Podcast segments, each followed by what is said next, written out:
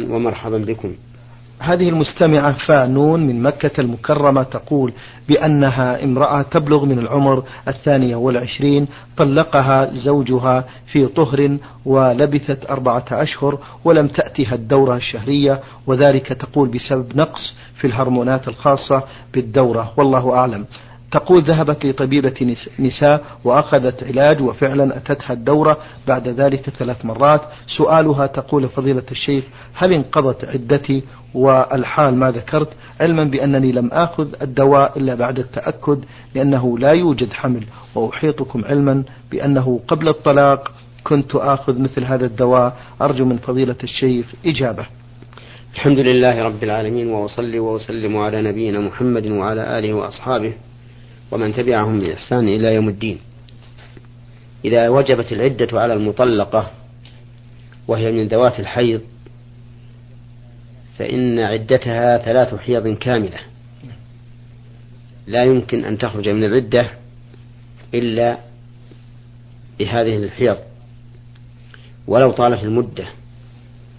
وعلى هذا لو أن شخصا طلق امرأته وهي ترضع.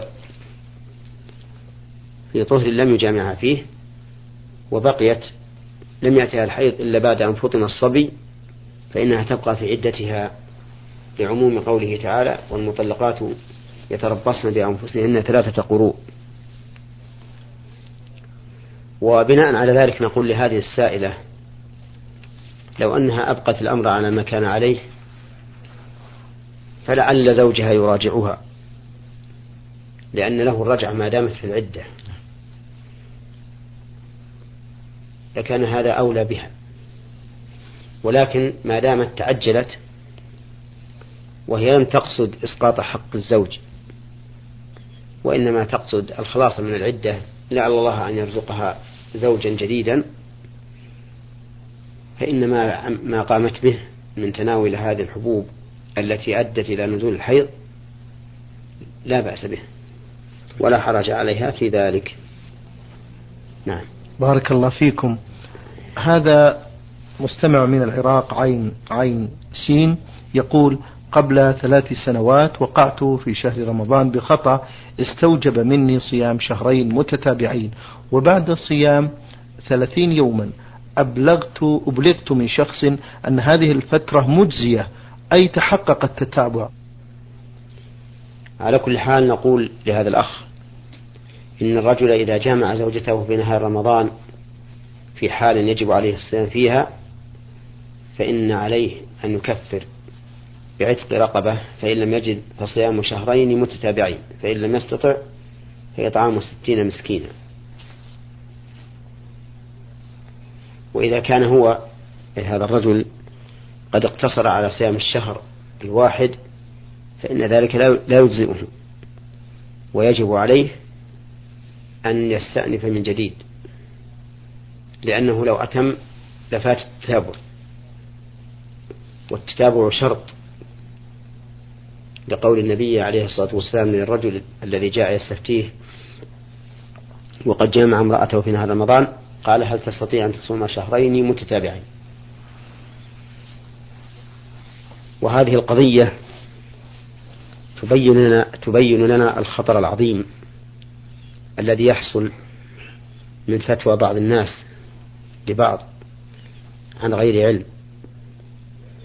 فإن هذا المفتي الذي أفتاه لا شك أنه لا علم عنده. والفتوى بغير علم محرمة في كتاب الله وهي قول على الله. وقد قال الله سبحانه وتعالى لنبيه عليه الصلاة والسلام ولو تقول علينا بعض الأقاويل لأخذنا منه باليمين ثم لقطعنا منه الوتين. وقال الله عز وجل قل إنما حرم ربي الفواحش ما ظهر منها وما بطن والإثم والبغي بغير الحق وأن تشركوا بالله ما لم ينزل به سلطانا وأن تقولوا على الله ما لا تعلمون. فعلى إخوتنا الذين يتسرعون في الفتوى ويفتون بغير علم أن يتقوا الله تعالى في أنفسهم وأن يحذروا عقاب الله وأن يعلموا أنهم مسؤولون عن هذا. كما قال تعالى ولا تقف ما ليس لك به علم إن السمع والبصر والفؤاد كل أولئك كان عنه مسؤولا. ثم إن الذين يفتون بغير علم قد يترتب على فتواهم ضرر على غيرهم كما حصل في هذه القضية نعم. فإن هذا الرجل بعد أن كان قائما بما ينبغي بما يجب عليه فإن هذا الرجل بعد أن كان قائما بما يجب عليه من الصيام وعازما على أن يتم الشهرين قد اغتر بفتوى هذا الرجل الذي أفتاه بالاقتصار على شهر وهذا ضرر على الغير في الفتوى بغير علم. ثم أنه ينبغي لعامة الناس إذا أفتاهم أحد بما يستنكرونه ويخالف ما هم عليه أن لا يتسرعوا في قبول فتواه حتى يسألوا من هو أعلم منه لأنه ربما يكون هذا الذي أفتاهم قد فهم خطأ أو لم يدرس المسألة دراسة وافية فيحصل بذلك الخلل. نعم. بارك الله فيكم. المستمع عين عين من العراق يقول ما حكم الشرع في نظركم فضيلة الشيخ في تلك النساء السافرات المتبرجات؟ ويقولن نحن نصلي ونصوم فهل عملهن مقبول؟ اعتمادا على قوله تعالى ومن يعمل مثقال ذرة خيرا يره. نعم. المؤمن إذا عصى الله عز وجل. فإنه لا يخرج من الإيمان بمجرد المعصية وإنما يخرج من الإيمان بالكفر. وعلى هذا فإذا عصى الله عز وجل فإن معصيته هذه لا تمنع قبول أعماله الصالحة بل أعماله الصالحة مقبولة ولو مع استمراره على هذه المعصية. ولكن يجب عليه أي على المؤمن إذا علم بالمعصية أن ينزع عنها ويتوب إلى الله سبحانه وتعالى ليتحقق بذلك إيمانه فإن من كمال الإيمان وتمام الإيمان أن لا يصر الإنسان على معصية. قال الله تعالى وسارعوا إلى مغفرة من ربكم وجنة عرضها السماوات والأرض أعدت للمتقين الذين ينفقون في السراء والضراء والكاظمين الغيظ والعافين عن الناس والله يحب المحسنين. والذين إذا فعلوا فاحشة أو ظلموا أنفسهم ذكروا الله فاستغفروا لذنوبهم ومن يغفر الذنوب إلا الله ولم يصروا على ما فعلوا وهم يعلمون.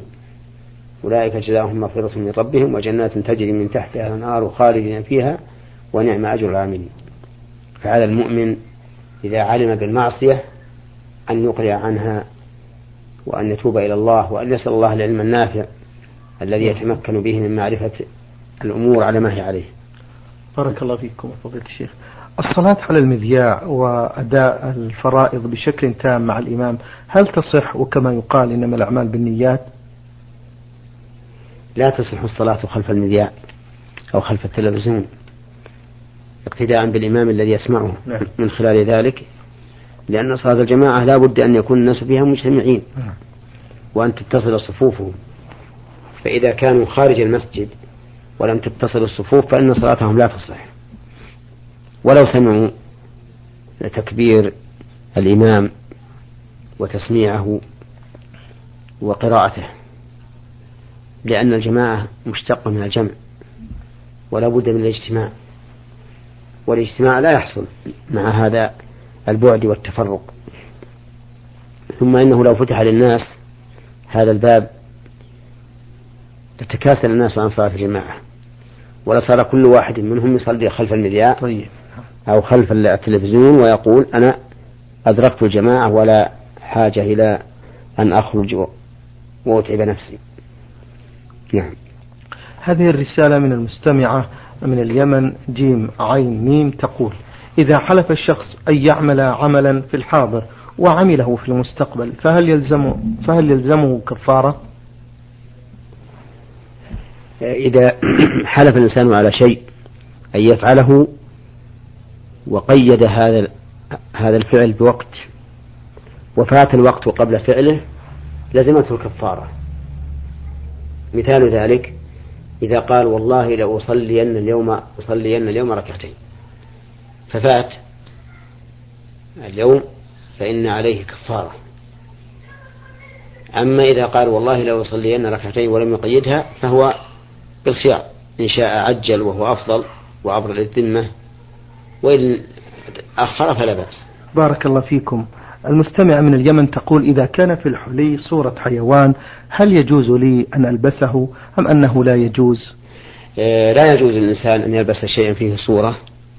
سواء كان حليا أو ثيابا وسواء كانت ثيابا كاملة كالقمص أو نصف ثوب كالفنائل فكل شيء فيه صورة. أو صنع على شكل صورة فإنه لا يجوز للإنسان أن يلبسه. لقول النبي صلى الله عليه وسلم لا تدخل الملائكة بيتا فيه صورة. وهذا إذا لبسه حرم نفسه من مصاحبة الملائكة له.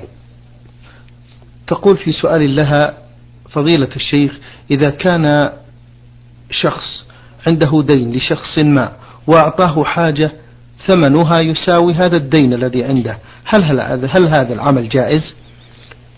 لا يجوز للدائن إذا أهدى إليه المدين شيئا أن يقبل منه إلا إذا نوى احتسابه من دينه أو نوى مكافأته بمثله أو أحسن منه مثال ذلك لو كان لشخص على آخر مئة ريال. ثم أهدى إليه المطلوب ما يساوي خمسين ريالا. فإنه لا يجوز له قبوله إلا إذا أراد أن يخصمه من دينه ويبقي على المدين خمسين ريالا فقط. أو إذا نوى مكافأته عليه بإعطائه ما يساوي خمسين أو أكثر. أما أن يأخذ هذه الهدية التي تساوي نصف دينه ثم يطالب بدينه كاملا فإن ذلك لا يجوز. نعم. بارك الله فيكم. الأخ فهد الصعب من القصيم يقول ما حكم الشرع في نظركم فضيلة الشيخ في تعدد الجوامع في الحي الواحد مما يؤدي إلى قلة المصلين في هذه المساجد؟ الذي نرى أنه لا تجوز إقامة الجمعة في أكثر من مسجد واحد إلا إذا دعت الحاجة إلى ذلك كتباعد البلد أو ضيق المسجد أو خوف فتنة أو ما أشبه ذلك. وقد نص على ذلك أهل العلم رحمهم الله وأخص بذلك فقهاء الحنابلة. لأن تعداد الجمعة لغير حاجة مخالف لهدي النبي صلى الله عليه وسلم. فإن النبي صلى الله عليه وسلم لم يكن يجمع في عهده إلا جمعة واحدة. بل إن تعدد الجمعة لم يحصل إلا في القرن الثالث الهجري كما ذكر ذلك بعض أهل العلم.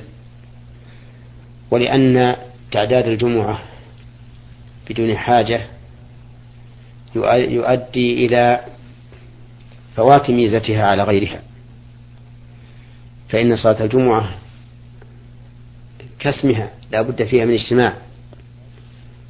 فإذا توزعت في المساجد لم يكن بينها وبين غيرها فرق. فيفوت بهذا التعدد مقصود الجمعة وهو اجتماع الناس على إمام واحد وائتلافهم. ومن مفاسد التعدد أنه يكون فتح باب للكسلان لأن الغالب أن الجمعة لا تتحد في فعل الصلاة ابتداء وانتهاء فربما يكون هذا حجة للمتكاسل يتأخر عن الجمعة وإذا قيل لماذا؟ قال لأني صليت في مسجد آخر. ولأن هذا يؤدي إلى تفريق المسلمين وتوزيعهم. في يوم عيدهم عيد الأسبوع. وهذا ينافي ما تقتضيه الشريعة من الائتلاف والاجتماع. والمخاطب في هذا ولاة الأمور الذين لهم ولاية على المساجد. أما عامة الناس فلا حرج عليهم إذا صلوا في واحد من هذه الجوامع. نعم. بارك الله فيكم. في سؤال له يقول لاحظت في أحد المساجد أشخاصا يتكلمون والإمام يخطب وهم في مؤخرة المسجد والإمام لا يراهم فهل أشير عليهم بالسكوت أم علي أن أتركهم حتى تنتهي الخطبة؟ الكلام حال الخطبة يوم الجمعة حرام. نعم. بل إن النبي صلى الله عليه وسلم شبهه بالحمار يحمل أسفارا ولا ولا يجوز أن نسكته بالقول. يعني لا يجوز أن نقول له أنصت. لقول النبي عليه الصلاة والسلام إذا قلت لصاحبك أنصت يوم الجمعة والإمام يخطب فقد لغوت. أي فقد فاتك الأجر أجر الجمعة. ولكن لا حرج أن تنبههم بالإشارة بأن تضع أصبعك على شفتيك إشارة لهم. لأنك لم تتكلم وفي منعهم من الكلام حال الخطبة فك شر على غيرهم لأنهم إذا صاروا يتكلمون أثناء الخطبة شغلوا الناس وشوشوا عليهم. فإذا سكتوا بالإشارة زال هذا المحظور. نعم. بارك الله فيكم. آخر سؤال في رسالة المستمع فهد الصعب من القصيم يقول إذا سمعت المؤذن عبر الإذاعة فهل أقول مثل ما يقول؟ وهل هناك فرق بين نقل الأذان على الهواء مباشرة وبين نقله بواسطة التسجيل؟ نعم. نقول إن نقل الأذان بواسطة التسجيل لا يجزئ عن الأذان الشرعي. وذلك لأن الأذان الشرعي ذكر وثناء على الله ولا بد فيه من عمل والتسجيل ليس بعمل فإنك إذا سمعت المسجل فلا يعني ذلك أن المسجل يعمل عبادة يتقرب بها إلى الله وإنما هو سماع صوت شخص ربما يكون قد مات أيضا. نعم. فلا يجزم عن الأذان الشرعي. ولا بد من أذان شرعي يقوم به المكلف. يكبر الله و يشهد له بالوحدانية ولنبيه برسالة ويدعو إلى الصلاة وإلى الفلاح. لا, لا بد من هذا. وإذا قلنا إن ما سجل ليس بأذان مشروع فإنه لا تشرع إجابته أي لا يشرع للإنسان أن يتابعه. لقول النبي عليه الصلاة والسلام إذا سمعتم المؤذن فقولوا مثل ما يقول المؤذن. ونحن في الحقيقة لم نسمع المؤذن وإنما سمعنا صوتا مسجلا سابقا. وأما قول السائل ما الفرق بين ما نقل على الهواء أو ما نقل بواسطة السجيل؟ فالفرق ظاهر لأن ما نقل على الهواء هو صوت المؤذن الذي يؤدي الأذان الشرعي. طيب. فهذا يجاب ويتابع. ويدعى بعده بعد بعد المتابعة بما ورد به السنة. وأما الأذان المسجل فليس أذانا في الواقع كما أشرنا إليه. بارك الله فيكم. أبو عبد الله يسأل في هذا السؤال ويقول شخص تناول طعام العشاء عند أحد زملائه وشك بعد الصلاة هل اللحم لحم غنم أم جمل؟ فهل يسأل أم لا؟ وإذا تعذر السؤال هل يعيد الصلاة أم لا؟ أفيدونا بهذا. إذا أكل الإنسان لحما وشك هل هو لحم إبل أو لحم غيره فإنه لازمه أن يسأل. ولكن إذا علم ولو فيما بعد فعليه أن يعيد الصلاة. وبهذا السؤال نعرف أن السائل يعرف الفرق بين لحم الإبل ولحم غيرها فإن لحم الإبل ينقض الوضوء. لقول النبي صلى الله عليه وسلم توضأوا من لحوم الإبل. ولأنه سئل أن أتوضأ من لحوم الغنم قال إن شئت. قال نتوضأ من لحوم الإبل. قال نعم. فجعله الوضوء من لحم الغنم عائدا إلى مشيئة العبد. وجزمه بالوضوء في لحم الإبل يدل على أن لحم الإبل يجب الوضوء منه وأنه لا يعود إلى مشيئة العبد. ولحم الإبل يشمل جميع أجزاء البعير كالكبد والكرش والأمعاء والقلب وغير ذلك. لأن النبي عليه الصلاة والسلام لم يخصص منها شيئا. فدل هذا على العموم. ويدل على أن اللحم إذا أضيف إلى الحيوان فهو شامل. قول الله تعالى حرمت عليكم الميتة والدم ولحم الخنزير. ومن المعلوم أن لحم الخنزير يشمل الأمعاء والكرش والقلب والكبد وغير ذلك. و أما لحم غير الإبل فإنه لا ينقض الوضوء. لكن ذكر كثير من أهل العلم أنه يستحب الوضوء مما مست النار. لأن الوضوء مما مست النار كان مأمورا به ولكنه ليس على سبيل الوجوب. نعم. بارك الله فيكم. هذا المستمع إدريس علي يقول عندنا عادة في بلدتنا في السودان عندما يتزوج الإنسان يجمع له نقود من الأقارب وغير الأقارب وأيضا تسجل على الورق وعندما يتزوج الآخر يزاد له في المبلغ الذي دفعه ما حكم الشرع في هذه الزيادة وهل يكون هذا المبلغ في ذمة الإنسان إذا مات قبل الدفع لصاحبه أو المشاركة في أفراحه؟ أرجو إفادة. هذا العمل من التعاون بين الإخوة فإذا كان الإخوة أو القبيلة أو أهل الحي نعم. إذا تزوج عندهم أحد جمعوا له دراهم وقيدوا من يتبرع. ثم إذا حصلت مثل هذه المناسبة لأحد المتبرعين أعطي ما يحتاج إليه. وهو زائد على ما بذل بلا شك. يقول إن هذا لا بأس به ولا حرج. طيب.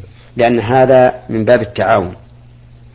وهذه الدراهم التي أخرجها الإنسان تبقى لهذه المصلحة فلو مات فإنه لا يعود إليه ما, ما, ما بذله أولا. حتى وإن لم يكن استفاد من هذه الجمعية لأن الناس إذا أخرجوا هذه الدراهم فإنما يخرجونها على أنها خرجت من ملكهم وبقيت لهذه المصلحة المعينة فهي لا مالك لها فليس فيها زكاة ولا تعود إلى أصحابها إذا ماتوا. بل تبقى لهذه المصلحة ما شاء الله. نعم. نختم هذا اللقاء فضيلة الشيخ بسؤال من محمد أبو عبد الله. يقول آه، في هذا السؤال فضيلة الشيخ هل تحجب بعض الدهونات مثل الوازلين الماء عن البشرة؟ هذه الدهونات مثل الوازلين تحجب الماء عن البشرة إذا كانت جامدة. نعم. ولها طبقة. أما إذا لم تكن جامدة فإنها لا تحجب. لكن ينبغي لمن كان على يده أو رجله أو شيء من أعضاء وضوئه شيء من هذا أنه إذا غسل هذا العضو أن يمر يده على مكان هذا الدهن. لأنه إذا لم يمر, يمر يده فإنه ربما ينزلق الماء عن المكان ولا يصيبه. فهذا هو الذي ينبغي أن يتفطن له. والحاصل أن هذه الدهون إن كانت جامدة بحيث تمنع وصول الماء لكونها كالقشرة على الجلد فإنها فإنه لا بد من إزالتها قبل الطهارة. وإذا لم تكن جامدة فلا حرج فيها. طيب. شكر الله لكم من فضيلة الشيخ وبارك الله فيكم وفي علمكم ونفع بكم المسلمين. أخوتنا الأكارم كان معنا في هذا اللقاء الطيب المبارك فضيلة الشيخ محمد بن صالح.